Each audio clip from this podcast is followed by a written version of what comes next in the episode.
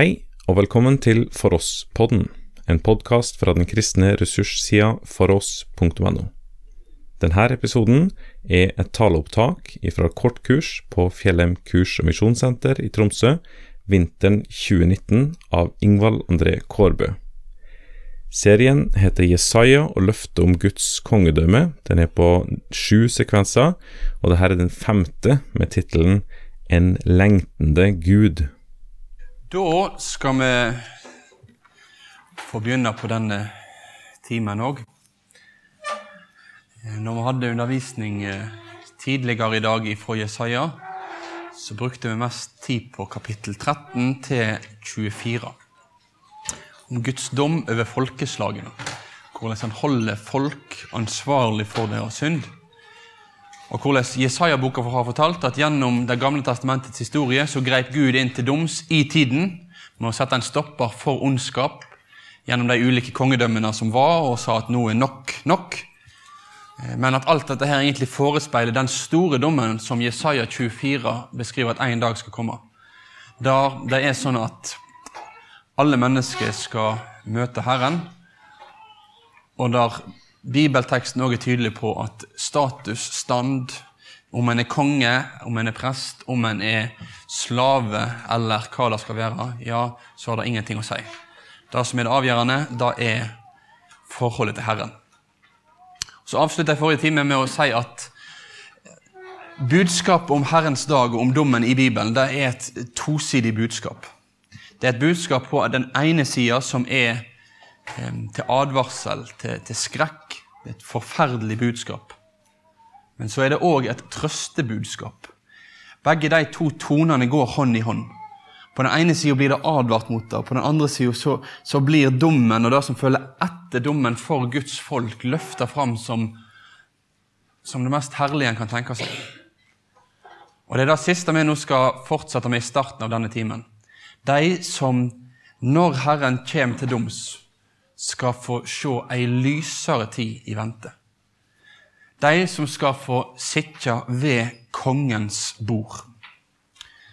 La oss be sammen for denne timen.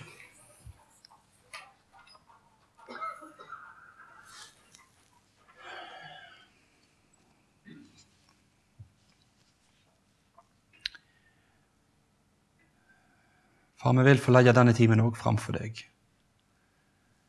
I takk for at du har talt. I takk for at ditt ord er sant. Og i takk for at vi òg derfor kan få ha vår tillit til den du er, og det du har sagt denne dagen.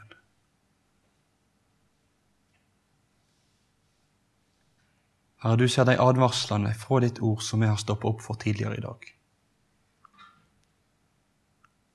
Om hvordan du er en dømmende Gud. Og du er han som har rett til å dømme. Og at du dømmer rettferdig.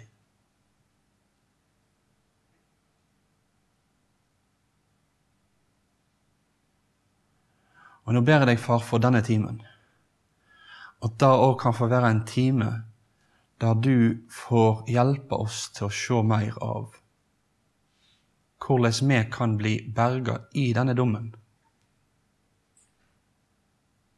At vår redning ikke er knytta til hva vi skal gjøre, men knytta til å få ha sin tillit til deg.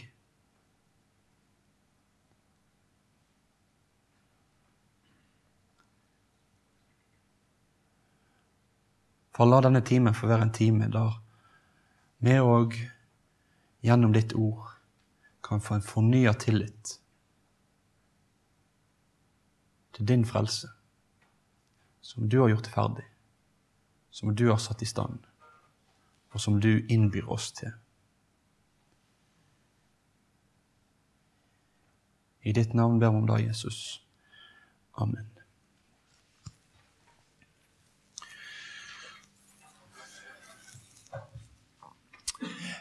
Vi har um, i Jesaja-boken tidligere vært ute for at når Jesaja omtaler dommen, så omtaler han det som når et tre blir felt. Han omtaler det som at det er noe som blir renska.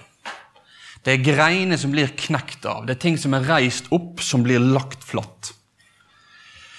Og vi kan dermed, tenke at dommen i Jesaja-boken det er at dette folket som var Guds folk, alle de som har forlatt Herren, alle de som har gått vekk ifra Han, ja, de blir tatt bort. De blir dømt. De blir hogd av treet, som òg romerbrevet omtaler for oss når det i Romerne 11 er snakk om. De greinene som en dag var poda inn på det folket som var Guds folk. Når de gjør opprør mot Gud i vantru, ja, så er det sånn at de blir hogd av fra livsfellesskapet med Herren. Men så forteller Jesaja-boka at det er en rest som skal bli stående. Og gjennom profetbøkene i Gamle Testamentet så blir da ordet Israels rest ofte brukt.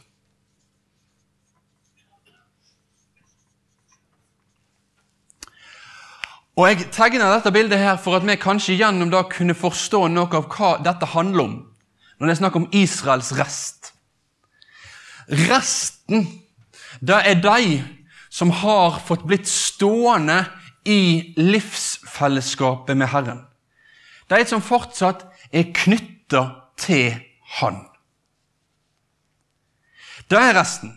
Resten er de greinene som ikke har blitt hogd av. Og så las vi i forrige time noen vers som pekte i retning av at før Herrens dom skulle komme, ja, så var det sånn at Guds folk òg skulle være et folk som egyptere kom i. Og det skulle få være et folk som asyrere kom i. Og det skulle få være et folk som ulike folkeslag blir en del av. Men la oss om frelsesløftet til kushittene, egypterne, asyrerne, og hvordan de skulle vende om til Herren. Og når vi derfor i Jesaja kapittel 25 nå leser om denne resten, den resten som skal bli berga, ja, så sikter det til de folkene som har satt sin lit til Herren. La oss lese sammen i Jesaja kapittel 25 og vers 4. Og Vi leser nå Jesaja 25 vers 4 og til vers 9 i denne omgang.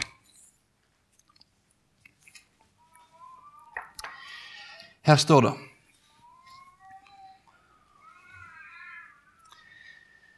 Du, altså Herren, vart et vern for de veike, et vern for de fattige, i deira nød, ei livd mot styrtregn, en skugge mot heten.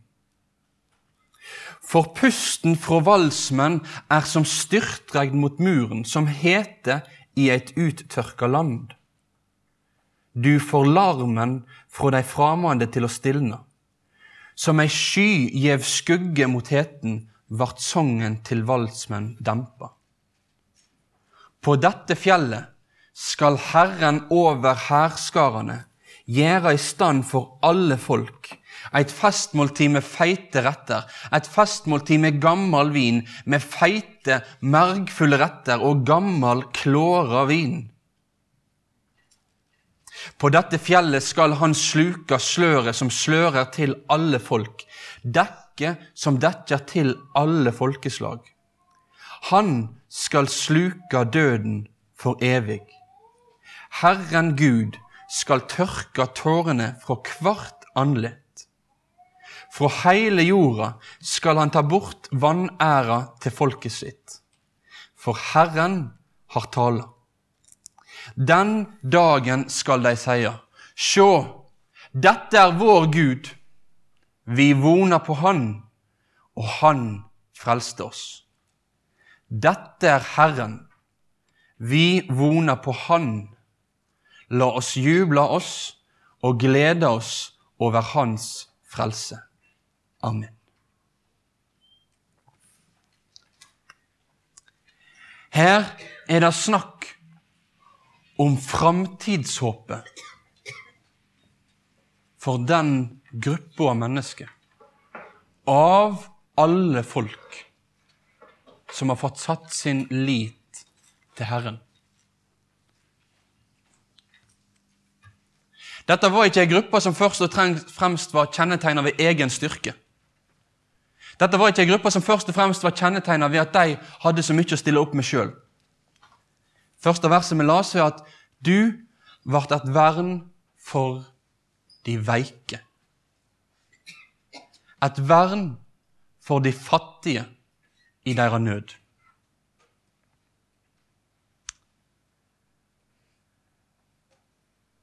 Guds folk, som nå er samla rundt kongens bord, er ikke først og fremst kjennetegna ved at de har betalt seg inn der.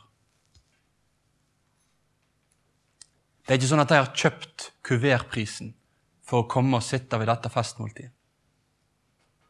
Det er et veikt folk. Et fattig folk. Det er et folk som i avslutningen av beskrivelsen her synger en sang eller sier Sjå, dette er vår Gud. Vi voner på Han, og Han frelste oss. Det er et folk som har fått satt sin lit til Herren. Det er et folk som har fått satt sin lit til Herrens frelse. Det er derfor de er der. Det er det som er grunnen til at de den, den dagen her, på Herrens dag, skal få være samla rundt kongens bord til et måltid. Og det måltidet som blir beskrevet her, det festmåltidet som er på Sionsfjellet ja, Hvis det er en avholdsmann som ikke er særlig glad i fett, så virker det kanskje ikke så veldig fristende, dette her. Her er det klåra vin, og her er feite retter, og det er marg, og det er det ene og det andre. Men det dette her vil beskrive for oss, det er at her er det det beste en kan tenke seg. Kjøtt var ikke hverdagsmat for israelsfolket i Gamle testamentet. Da at vi et kjøtt til middag en onsdag, ja, det er en ganske ny oppfinnelse. For det har vært mangelvare i store deler av verdenshistorien. Og kjøtt ved spesielle anledninger. Og det er jo til og med sånn at De gangene jeg har fått vært så heldig at jeg har reist med fjellheim til Mongolia, ja, så, så er det sånn at når jeg setter meg ned på besøk hjemme hos noen, og jeg er så heldig at de setter ekstra pris på besøket mitt, ja, da kan jeg være sikker på at det er litt ekstra fettklumper oppi den porsjonen med såkalt kjøtt som står framfor meg. Ja. Da kan sikkert noen andre òg relatere seg til. Ja. Det er det beste. Så det som her skjer, det er at her så samler Herren sitt folk. Her så samler Herren de som har satt sin lit til Han og han gir de av alle sine gaver.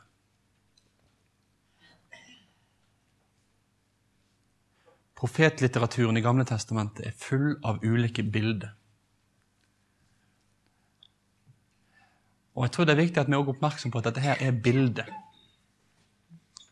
Det er ikke sånn at alt automatisk blir oppfylt på helt den måten som det står. Men det blir oppfylt.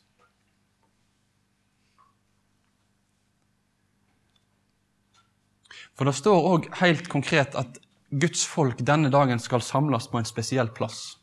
En plass som blir kalt for Sionfjellet. Sion, det er jo Jerusalem, et annet ord for Jerusalem. Og Når vi i profetbøkene leser mye om Sionfjellet, ja, så, så kan vi òg vite at tempelet var bygd på berget. Så ofte så kan ordet Herrens tempelberg òg bli brukt. Så når en omtaler Sionsfjellet, så er det fjellet der Herren, Herren bodde i Gamle Testamentet, der, der, hans bolig var. Når folk tenkte på Sionfjellet, der de vandra rundt omkring i Jerusalem, ja, så var det der tempelet var. Det var der Herren bodde. Så når de skulle komme til Sionfjellet, så var det at de skulle få komme inn i Herrens nærhet. De skulle få komme inn i hans bolig, inn i hans område. Og der, vi kan si, hos kongenes konges slott, ja, der skulle de få sette seg ned til bords. Men det spesielle er at Nytestamentet tar tak i dette ordet her, Sionfjell. Det står ikke nevnt mange ganger, men plutselig så dukker ordet Sionsfjellet opp i Nytestamentet. Og det dukker opp i Nytestamentet for å beskrive hva en kristen har fått del i ved trua på Jesus Kristus. I Nytestamentet så blir linken dratt fra Jesaja og andre tekster i Gamletestamentet når det er snakk om at Guds folk skal få komme til Sionfjellet, til at det nå i Nytestamentet står i Jesus så har det kommet til Sionsfjellet. Så nå skal vi slå opp i Hebreabrevet, kapittel 12 og vers 22.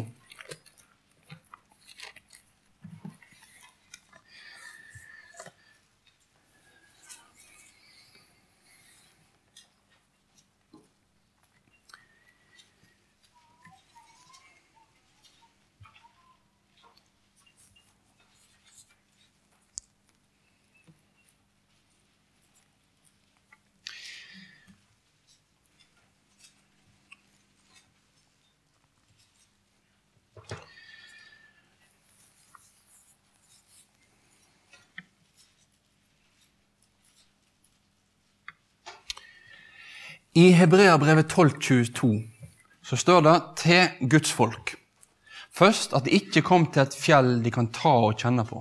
Ikke til lågene eller ikke til skyer, mørke og storm. En er ikke kommet til Sinai-fjellet. Men det står nei. Det er kommet til Sionfjellet, til den levende Guds by, det himmelske Jerusalem, til de mange tusen engler, til ei høgtidsfeiring til forsamlinga av de førstefødde som er oppskrevne i himmelen.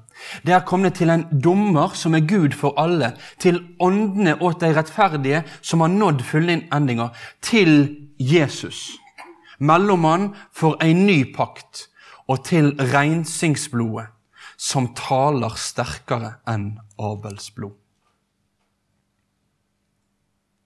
Ja, den teksten her er en tekst vi kunne ha brukt mye tid på sagt mye om. En ufattelig flott tekst, syns jeg.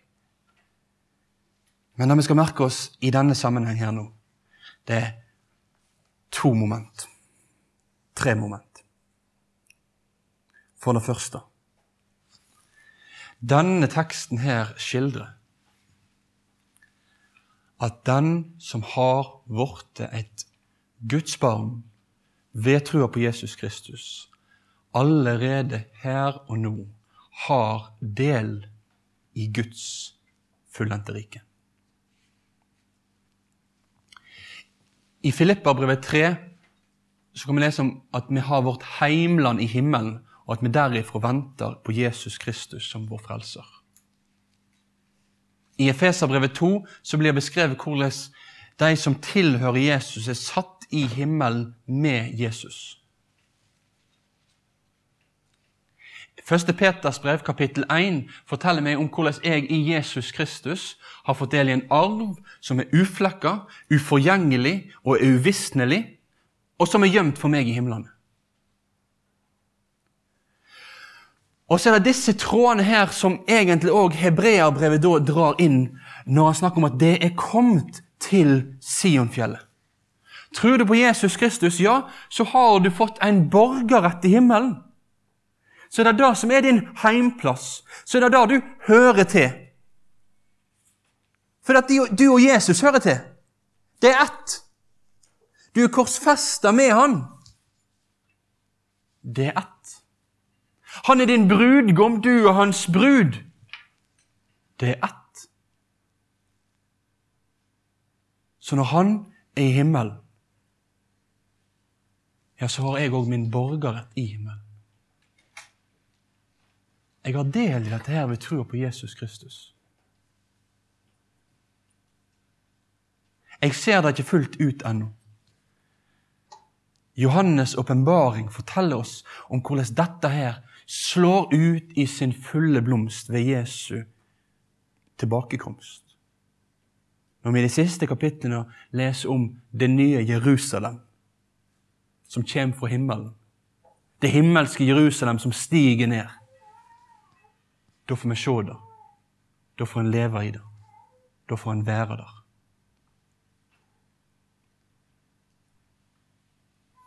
Så i disse profetiene i Gamle Testamentet så kan faktisk jeg få tro at ja, dette her er noe som jeg tror på Jesus Kristus jeg òg får eie. Og det er det andre momentet. Merk hvordan da å komme til dette Sionfjellet Det er helt nært knytta mot det å komme til Jesus. Det er Jesus som er den hvis vi kan si det sånn, den konstituerende stammen for Guds folk. Det er om jeg står planta i Jesus. For han sier jo om oss at vi skal få være greinene, er. Det er ved å stå, stå planta i Jesus at jeg får del i dette. Og det tredje momentet, som jeg syns er kanskje det flotteste i akkurat denne teksten her. Dette står at når jeg kom til Jesus, så har jeg fått kommet til renselsesblodet, som taler sterkere enn Abels blod. Når Kain drepte Abel i Det gamle testamentet, så står det om hvordan blodet ropte. Blodet ropte om Kain sin skyld. Ropte om at han har synda, han har synda, han har synda. Nå så sier forfatteren av hebreerbrevet har du kommet til Jesus, så har du kommet til et renselsesblod som råper høyere.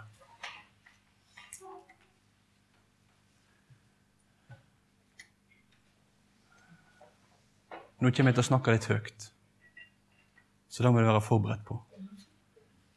Men vi kan kanskje tenke oss at hvis Abels blod, syndene i mitt liv, roper Ingvald har synda. Ingvald har synda. Ingvald har synda. Så roper Jesu blod. Jeg har sona Ingvalds synd! Synda er gjort opp. Blodet er utgitt. Alt er betalt. Det er noe som roper høyere. Det er noe som er sterkere. Det er noe som overdøver synda i vårt liv. Og det er Jesu blod.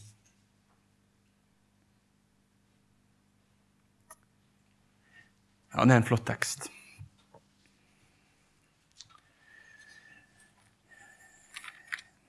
Tilbake i Jesaja.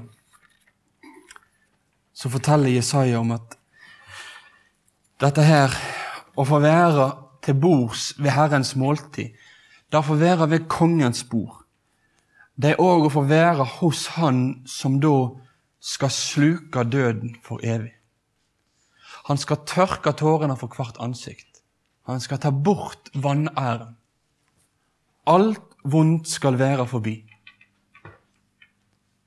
Så gjennom historien og òg i dag så er det dette løftet som står for Guds folk at om jeg er svak, om jeg er fattig, så er det sånn at om jeg har fått satt min lit til Jesus, ja, så er det sånn at jeg skal få vite at han er den. Han er den som sørger for at all lidelse en dag skal være forbi. At når jeg kommer han, inn i Hans rike, så er det ingen mer smerte, ingen mer sorg, ingen mer sykdom. Har alt er under forbi. Og så er det jo da Johannes' åpenbaring tar fram når han skal beskrive himmelen. Da er det disse tekstene her i Jesaja som er hans grunnmur. Da han går tilbake til å si dette som Guds folk har i vente, ja, det er denne tilværelsen her. Og Da kan vi slå opp i Johannes' åpenbaring kapittel 20, 21.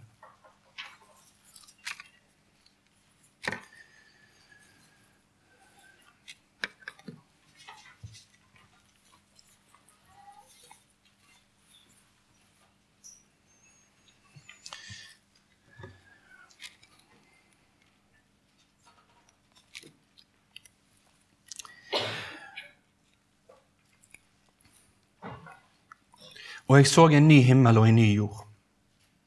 For den første himmel og den første jord var borte, og havet var ikke mer. Og jeg så den hellige byen, det nye Jerusalem, komme ned fra himmelen, fra Gud, gjort i stand lik ei brur som er pynta for sin brudgom. Og jeg hørte fra trona ei høg røyst som sa, Sjå, Guds bostad er hos mennesker. Han skal bo hos deg, og de skal være hans folk. Og Gud sjøl skal være hos deg. Han skal være deres Gud. Han skal tørke hver tåre fra øynene deres. Og døden skal ikke være mer. Og ikke sorg, og ikke skrik, og ikke pine. For det som en gang var, er borte. Ja, det er dette her Jesaja ga sine løfter om i Det gamle testamentet. Som Johannes i Johannes' åpenbaring bekrefter i Det nye testamentet. Og som Guds folk òg i dag kan få sette sin lit til og klamre seg fast til. At dette her er løftet for evigheten.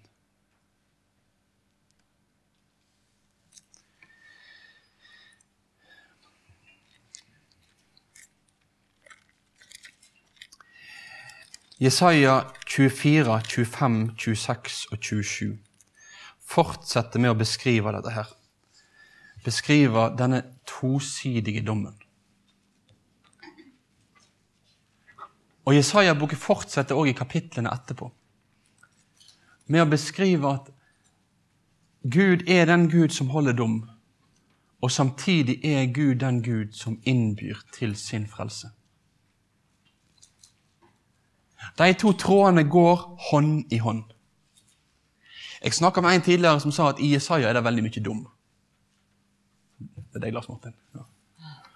Og det er det. Men det er òg veldig masse nåde.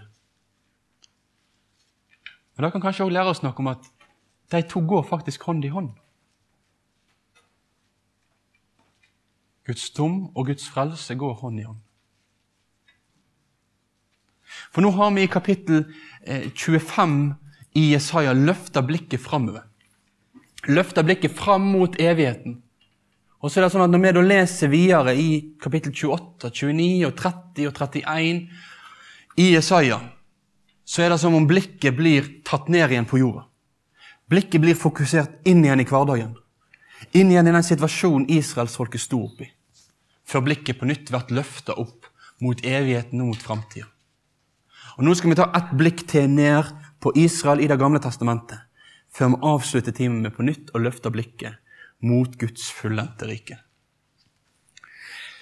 For når vi kommer til Jesaja kapittel 30-33, så er det en ny krisesituasjon som har oppstått i folket.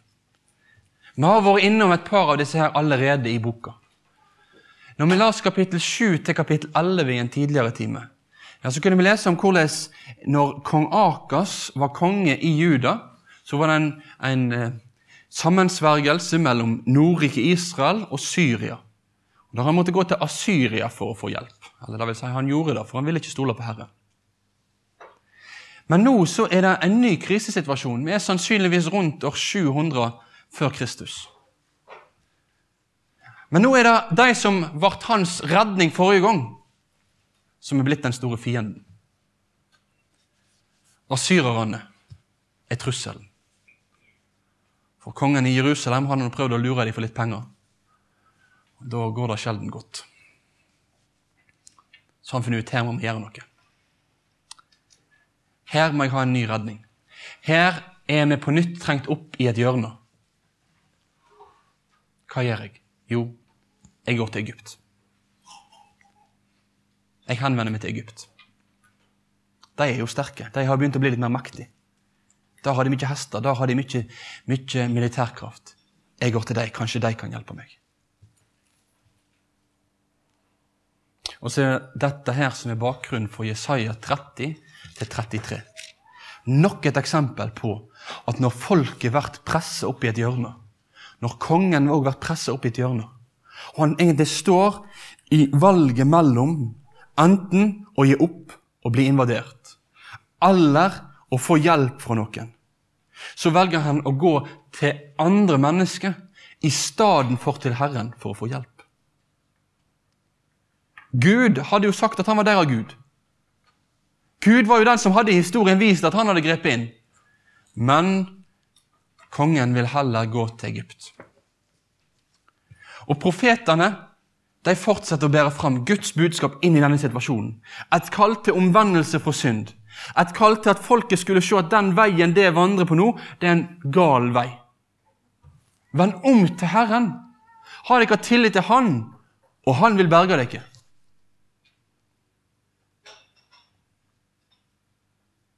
Men eh, hva svarte folket? Jo, nå kan vi lese i kapittel 30. Og så leser vi vers 9 til 11.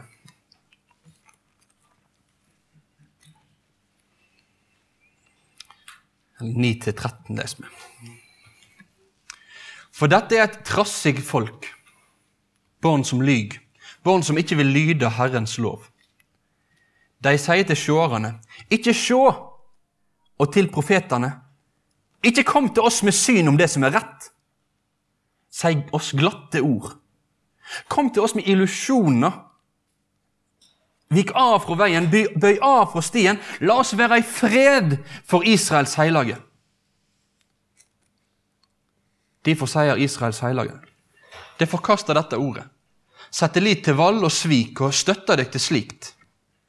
Derfor blir deres skyld lik en sprekk som utvider seg i en høg mur, til muren brått på en øyeblink faller sammen og blir knust.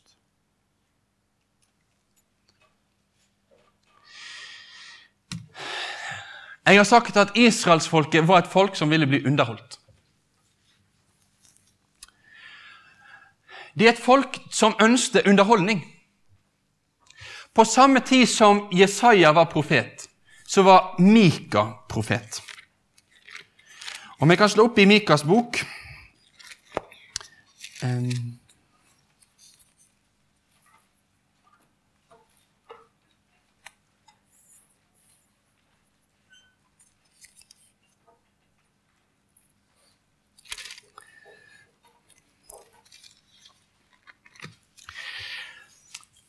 Mika han var òg en som talte Herrens ord, som avslørte synd, kalte til omvendelse og pekte på Herren som det eneste håpet for folket.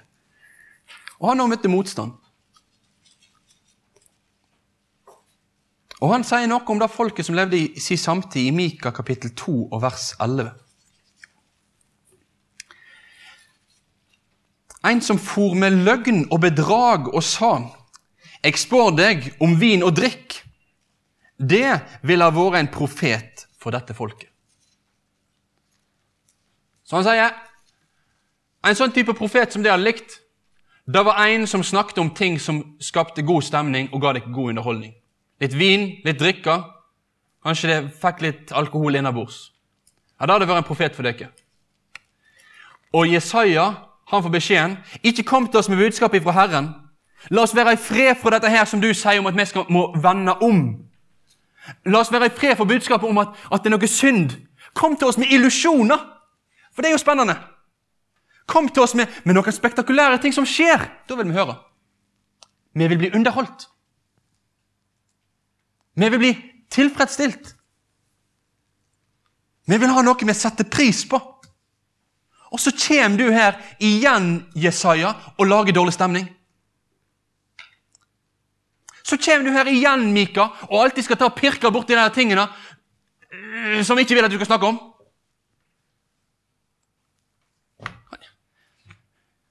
Kan ikke heller snakke om noe annet, da?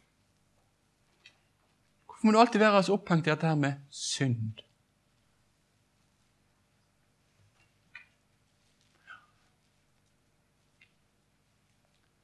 Fortell andre Timoteus brev oss om at det var ikke bare i Gamle testamentet at den fristelsen lå for Guds folk til at en ville ha et budskap som klødde i øra. Altså noe som var godt, noe som var litt sånn spennende. Det står om at i de siste tider så skal folk ta til seg lærere som forkynner det som klør i øret. Og den tida der sikter fra tida fra Jesu komme til hans gjenkomst. Men jeg tenker vi kan ikke unngå å lese disse tekstene her og tenke over om dette her har noe å si til oss i dag.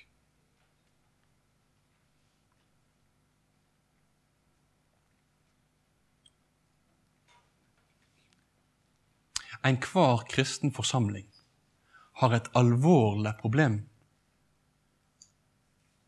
hvis vi bare vil høre det vi vil høre, og ikke det Gud vil ha sagt.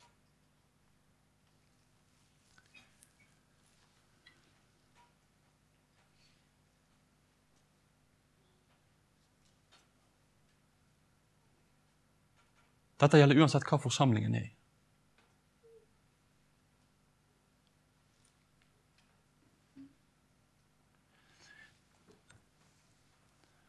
Mange kan nå sitte og tenke ja, ja. dette her, Den norske kirke, ja, dette, dette, dette skulle biskopen hørt. Og det skulle han. Det skulle han. Men jeg må òg høre det. Og du må òg høre det. For det kan òg være lett å komme på et møte. Og så liker jeg helst at det skal være på den måten. At jeg liker helst at det er den eller den type tekst som blir tatt opp. Og det var noe Hvorfor måtte han forkynneren akkurat ta, ta tak i i den delen av Guds ord i dag?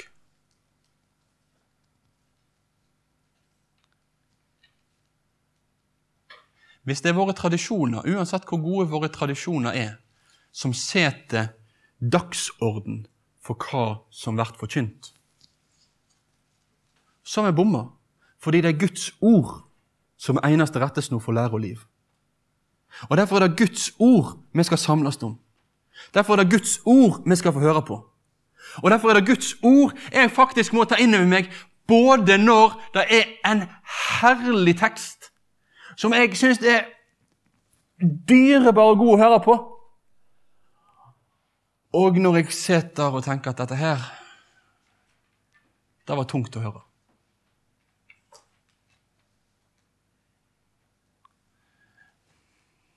Men israelsfolket ville bli underholdt. Gud han peker i en annen retning.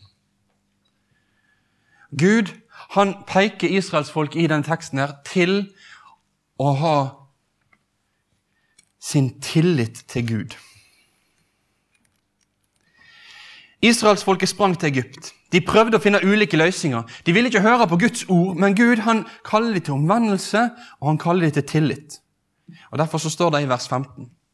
For så sier Herren Gud, Israels hellige. Vender det om og held dykk i ro, skal det bli frelste. I stille og tillit skal dyrker styrke være. Vi stopper der. Det er en innbydelse for Herren. En innbydelse Israel, ikke spring til Egypt, men vær i ro. Ha dere tillit til meg, og jeg skal redde dere. Israelsfolket sin redning var ikke i hva de skulle gjøre. Israelsfolket sin redning lå i at de skulle få sin hvile i hva Gud skulle gjøre for dem. Det var redningen.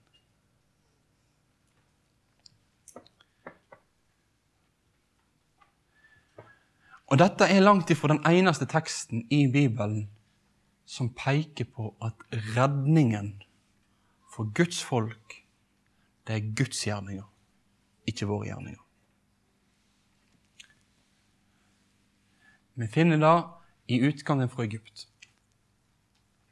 Når israelsfolket står der ved Rødehavets kant og får beskjed om at de skal stå stille og se Herrens frelse så deler Gud havet, og de går gjennom. I mange av salmene så blir dette her tatt fram, bl.a. salme 37, salme 62. Har dere hvile i Gud, så skal dere få vite at Gud, han frelser. Og Nytestamentet knytter jo dette helt tydelig opp mot frelsen i Jesus Kristus. Når det i Efeserbrevet kapittel 2 og vers 9-10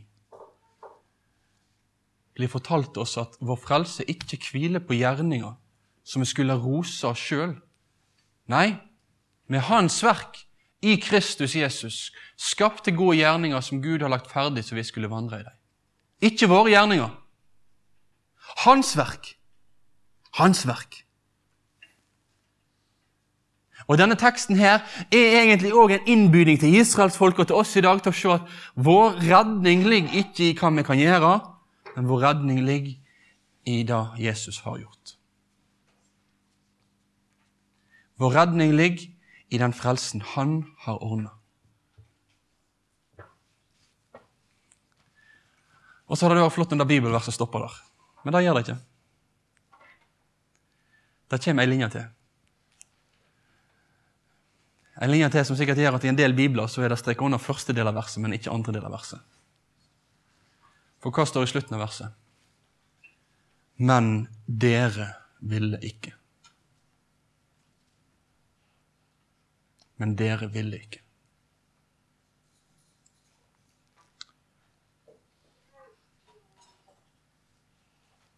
Jesaja innbyr.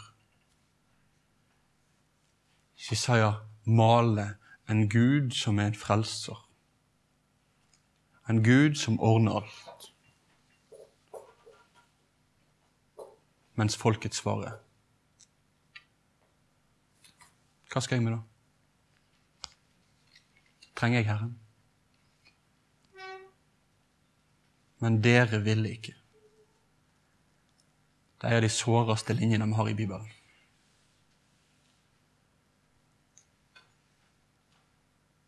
Her er de mest smertefulle linjene som står i Bibelen.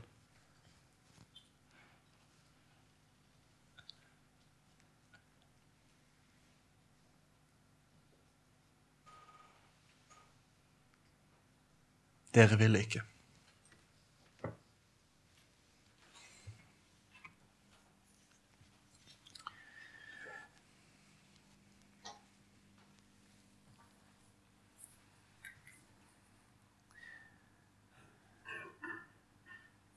Når mennesket blir holdt skyldig i dommen, så er det ikke ut ifra Bibelen pga. Guds uvilje. Men det er menneskets eget ansvar. Mennesket må sjøl stå ansvarlig. Når mennesket i møte med Herren forherder seg.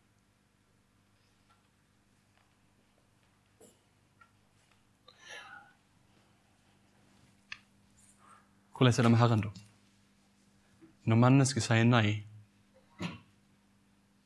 ja, hva står i de neste versene? Jo, Det står at folket de sier nei, vi rømmer til hest.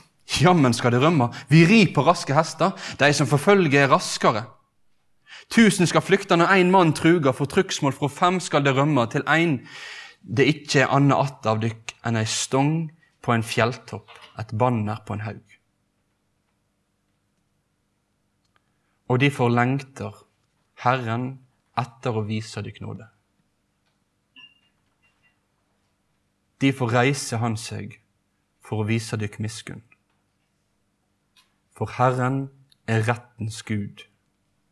Sele er alle som venter på Han.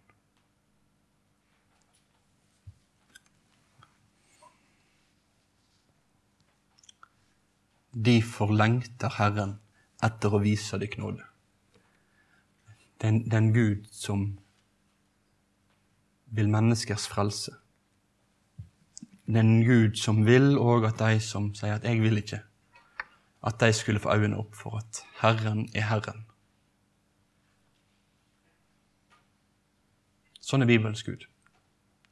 Sånn er dommeren. Det er ikke en ubarmhjertig dommer. Det er ikke en slem dommer.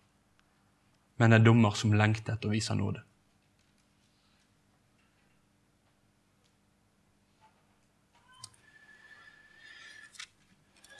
Sånn er Herren.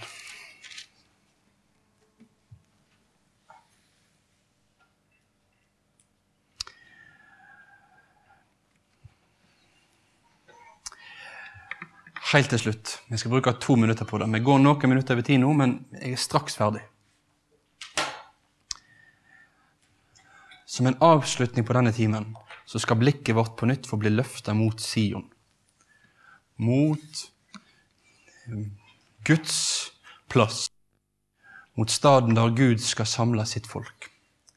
For i Isaiah 33 så er det sånn at nå blir folkets og vårt blikk på nytt dratt inn mot himmelen for å se at dette her er det som er i vente for Guds folk.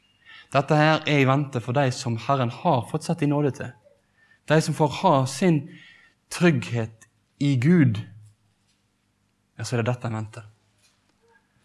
Og så står det i, i kapittel 33 noen vers vi skal stoppe opp for. Først 33, 17. Auga dine skal få se hvor vakker kongen er. De skal få se et vidstrekt land.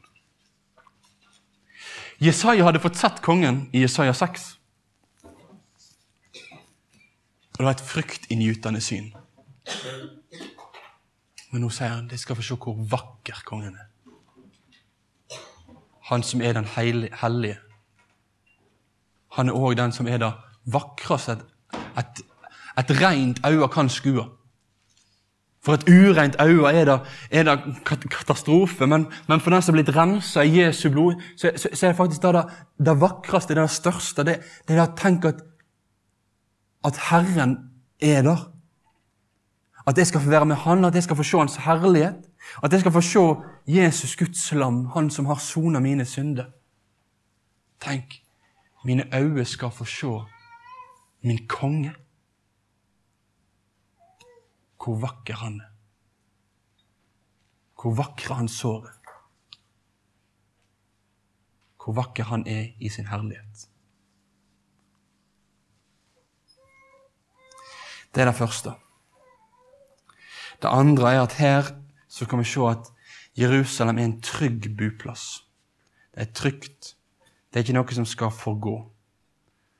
Det er en ei evig havn. Det er elver som går der, som igjen drar oss inn til Johannes' åpenbaring. Det er snakk om den elva som renner gjennom byen. Men midtpunktet, det er Herren.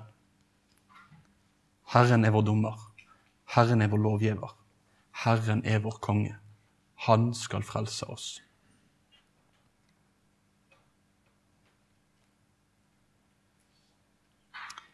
Men hva er det folket som er der? Herren er der. Han er sånn som han er. Men hvordan er folket? Jo, Vi leser i kapittel 33 og vers 24, som det siste verset. Ingen innbygger skal si jeg er sjuk. Det er fordi all sykdom, all lidelse er forbi. All smerte er ferdig.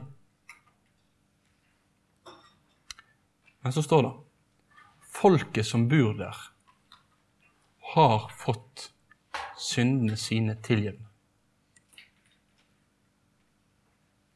Det nye Jerusalem er fullt av tilgitte syndere.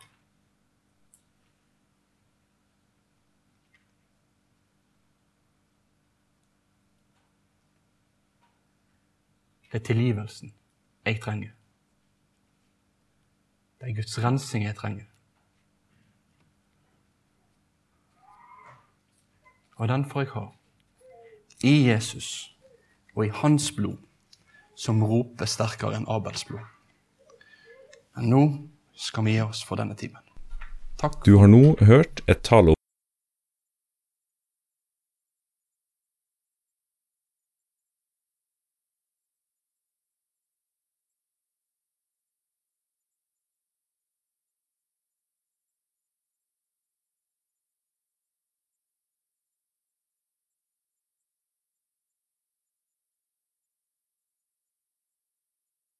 foross.no.